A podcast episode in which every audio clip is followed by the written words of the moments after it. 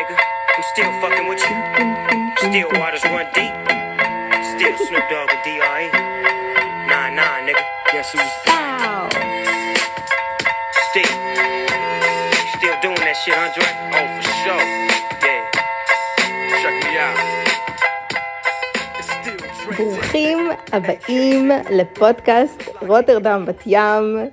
פעם שעברה, כשאני, ויק, ברוטרדם, סוגריים, עשיתי את ה solo cast, שזה פודקאסט אני בעצמי לבד, לבדי, כלומר בלי רותקה, שנמצאת עכשיו בבת ים ומוצפת בעבודה. אמ, אני שמתי את השיר של DMX, וזה גם היה בסביבות 2001, והיום אה, אני שמה את אה, דוקטור דריי ואת סנופ דוג. למה? כי כשנסעתי היום באוטו והקשבתי ל-91.8 FunX,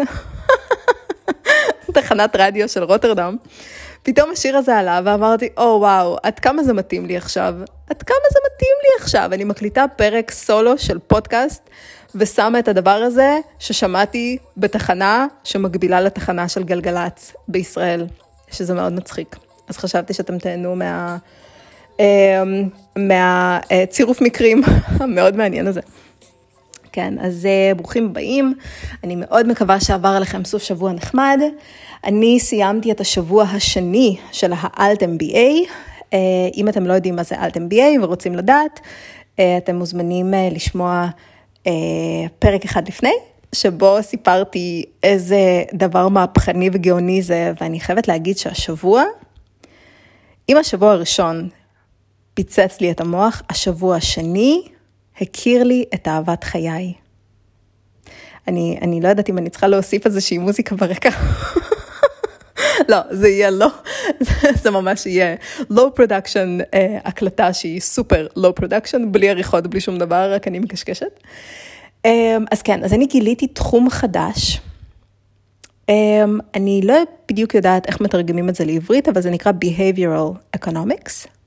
Behavioral זה התנהגותי, כמו פסיכולוגיה התנהגותית, ואקונומיק זה כלכלה, אז בעצם הם לוקחים אה, שני תחומי מחקר שלכאורה שונים לגמרי, פסיכולוגיה וכלכלה, ומחברים אותם ביחד כדי להבין, אה, להבין את ההתנהגות שלנו.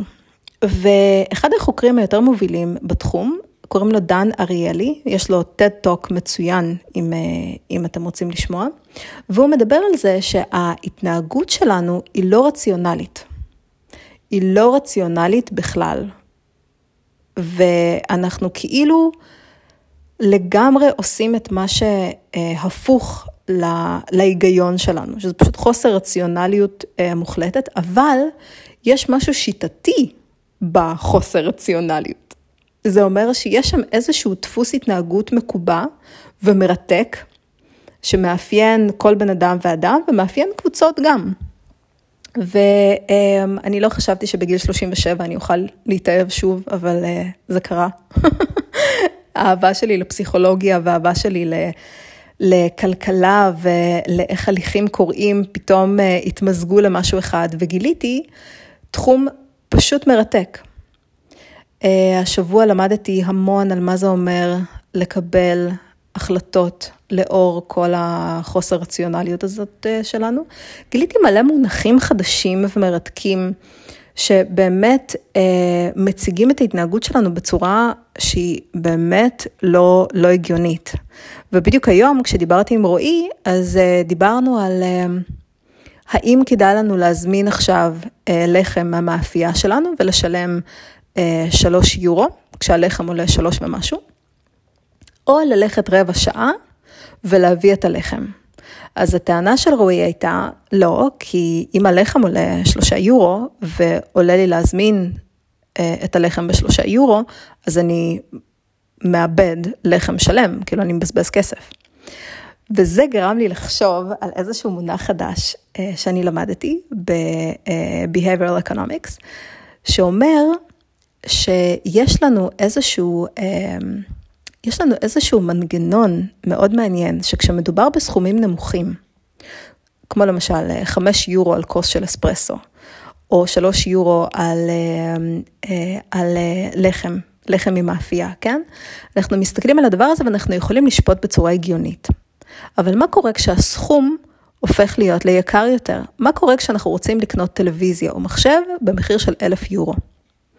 יש לנו מחשב שעולה אלף יורו אה, ליד הבית, ויש לנו מחשב שעולה 997 יורו וצריך ללכת בשבילו רבע שעה.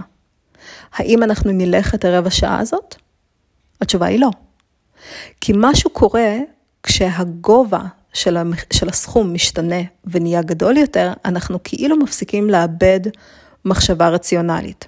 עכשיו, השלושה יורו של, ה... של המחשב והשלושה יורו של הלחם הם אובייקטיבית שלושה יורו. זה אותו סכום. בשביל אחד אנחנו נלך רבע שעה, בשביל השני לא נלך רבע שעה. וזה מאוד מעניין. אז רועי מצדק את זה בקטע של אחוזים. אם אני מפסיד 100% מהערך של הדבר הזה שאני קונה, ואם אני מפסיד אחוז אחד, או חצי אחוז, או רבע אחוז, ככה אני אוכל לבדוק האם זה הגיוני ללכת עכשיו ולהשקיע רבע שעה, או לא הגיוני ללכת ולהשקיע רבע שעה. אבל זה אה, סיפור שאנחנו מספרים לעצמנו. כי הסכום הוא נשאר אותו סכום, והבחירה ללכת או לא ללכת, היא נשארת אותה בחירה. וזה מרתק. עכשיו, יש כל מיני דברים מעניינים כאלה בכל התחום המאוד אה, צעיר הזה, הוא משנות ה-70, בסך הכל של המאה הקודמת. והוא משפיע הרבה מאוד על ההתנהגות שלנו. וכמו שאנחנו יכולים לראות שאנשי שיווק משתמשים בטריקים האלה כדי אה, להטעות אותנו, או לגרום לנו להתנהג בצורה שאנחנו רגילים להתנהג, שהיא לא צורה רציונלית, ולהוציא כסף בצורה שהיא לא הגיונית, יש דרכים להתמודד עם, ה, אמ, עם, ה, עם התופעה הזאת, ולכל תופעה יש לה סוג של נוגדנים. וזה התחיל לרתק אותי בקטע אחר. בקיצור, נכנסתי מאוד מאוד עמוק לתחום, ופתאום אה, עוד שבוע עבר, והמטלות של השבוע הם היו, וואו, הם היו מטלות מאוד מאוד מאוד קשות, אני חייבת להגיד. השבוע התחיל ב...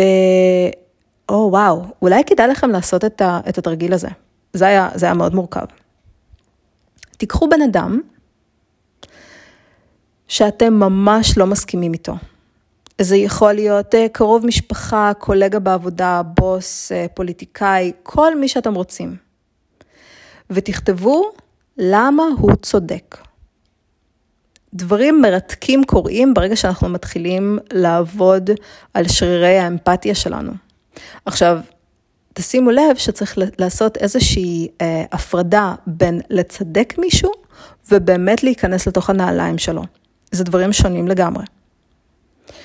ואז בעצם אתם יכולים לקחת מישהו שאתם לא מסכימים איתו בצורה מאוד מאוד רצינית, ואתם יכולים לראות את העולם דרך העיניים שלו.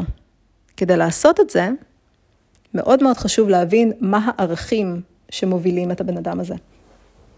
ואז להתחבר לערכים. הפעולה שהוא עשה, שאתם לא מסכימים איתה, או שהיא עשתה ואתם לא מסכימים איתה, היא בסך הכל תוצר של איזשהו ערך שהבן אדם הזה מאמין בו. ולהתחבר לערך הרבה יותר קל מאשר אה, להתחבר למעשה. עכשיו, ברגע שאתם מציגים את התפיסת עולם מהצד של הבן אדם השני, זה לא אומר שאתם מאבדים את הדעה שלכם. זה לא אומר שעכשיו פתאום כל התפיסת עולם שלי משתנה. לא. ברגע שאתם רואים את העולם דרך עיניים של מישהו אחר, אתם יכולים לנהל שיחה. במקום משחק טניס, שבו אני נותנת מכה חזקה מאוד לכדור, ומקווה שהבן אדם השני לא יוכל לספוג את המכה הקשה ולא יכול להתגונן אפילו, יש לנו כאן איזשהו משחק שהוא מאוד מאוד הרמונלי. הרמונלי? באמת? זה מה שאמרתי עכשיו, הרמונלי. כן. אוקיי. כן. אין מה לעשות, השבוע היה מאוד קשה. אז כן, אז זה התרגיל הראשון. למה מישהו שאתם לא מסכימים איתו צודק במאה אחוז? למה הוא צודק? Um, המטלה השנייה הייתה להבין מה מניע איזשהו עסק שהייתם חלק ממנו. למה הם עושים את מה שהם עושים? בשביל מי הם עושים את זה בכלל? באיזה תעשייה הם נמצאים? אם תחשבו עכשיו על למשל תעשייה של דפוס, כן? באיזה עסק הם נמצאים? לשתף מידע? אני חושבת שאנחנו מקבלים מידע ממקום אחר.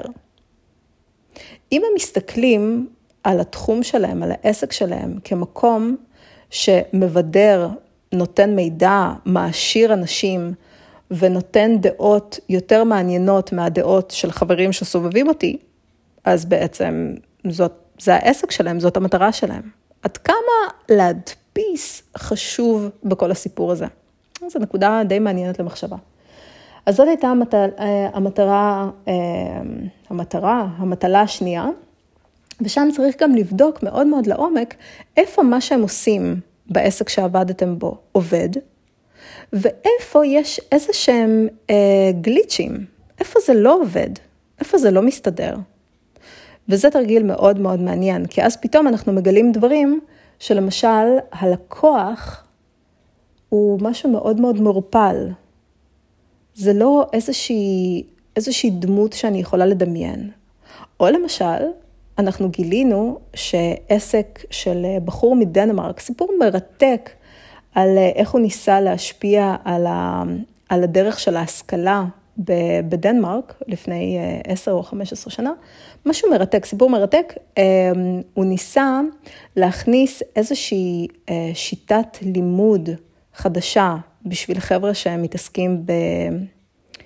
אני לא יודעת איך זה נקרא אפילו, בעבודה שהיא יותר מקצועית, אה, חשמלאים, אה, נגרים וכן הלאה וכן הלאה. איך אפשר לעזור להם להתקבל אה, לשוק העבודה. משהו מדהים, באמת. עכשיו העניין הוא שהוא בחר את הסטודנטים בצורה מאוד מאוד מאוד ברורה, ואז הוא הלך לבתי ספר גבוהים, וניסה להכניס את התוכנית הזאת שלו דרך הבתי ספר. אז בעצם מה שקרה זה שהוא התחיל לשרת שני לקוחות שונים לגמרי. יש לו את הסטודנטים עם האג'נדה שלהם, ויש את הבתי ספר, שיש להם את האג'נדה שלהם. וכמו שהוא גילה אחרי זמן די קצר, כשהניסוי שלו הוביל ל-100% הצלחה, שזה היה פשוט מספרים לא אמיתיים בכלל, הוא הבין מאוד מהר ש-100% הצלחה שלו זה קונפליקט מוחלט באינטרסים של הבית ספר, ומהר מאוד סגרו את התוכנית שלו. עכשיו, זה משהו שאנחנו מגלים בצורה מרתקת, שאם הלקוח שלנו הוא לא לגמרי ברור, או אם אנחנו משרתים שתי לקוחות נפרדים, הפרויקט שלנו יכול ליפול. והמטלה השלישית שלי לשבוע הזה, שזה עוד, אה, אני צריכה לעשות היום. כן, זה, זה הולך להיות מעניין.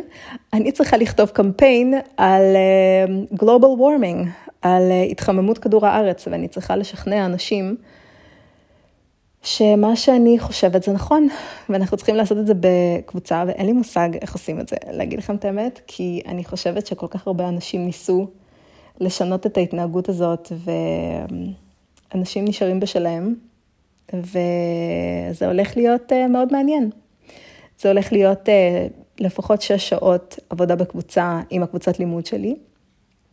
ואז אנחנו מגישים את העבודה עד חצות היום. אז זה הולך להיות מאוד מאוד מעניין. אני מקווה שזה יסתדר, אה, שזה יסתדר כמו שצריך, אבל אה, תשמעו, אין מה לעשות, חייבים להוציא משהו. ואז אחרי שנוציא את המשהו הזה, נוכל ללמוד ממנו. בקיצור, הקורס הזה מפוצץ לי את הראש שוב ושוב ושוב ושוב, מראה לי דברים שאני לא ראיתי קודם. למשל, יש משפט שממש נכנס לי לראש, כשעסק עושה לעצמו מיתוג מחודש, הוא חייב לעשות גם מיתוג מחודש ללקוח שלו. זה אומר שלא רק העסק צריך להשתנות, הלקוח צריך להשתנות בהתאם למה שהעסק עושה. אם העסק לא מביא שינוי בתוך הלקוח, אה, מאוד יכול להיות שהעסק הזה הוא לא, לא יעבור את מבחן הזמן, כמו שאומרים. וזה באמת מרתק. אז uh, בהחלט היה שבוע מאוד מאוד uh, מעניין, ושבוע, אני באמצע הספרינט עכשיו, זה אומר שיש לי עוד שבועיים לפניי, וזה אומר שיהיה באמת אה, מעניין לראות מה, כמה עוד חומות בתוך התודעה שלי הם הולכים להוריד. יהיה מאוד מאוד מעניין. אז אה, חברים יקרים, תנו בראש. זה תמיד, אה, זה תמיד חשוב. אני מקווה שיהיה לכם שבוע אדיר ומדהים. תהיו חזקים, תקופה לא ממש קלה. בהולנד יש סגר עוד פעם, לא מוחלט, אבל אה, די סגור. די סגור. וכן, מלא אהבה, ויאללה, ביי!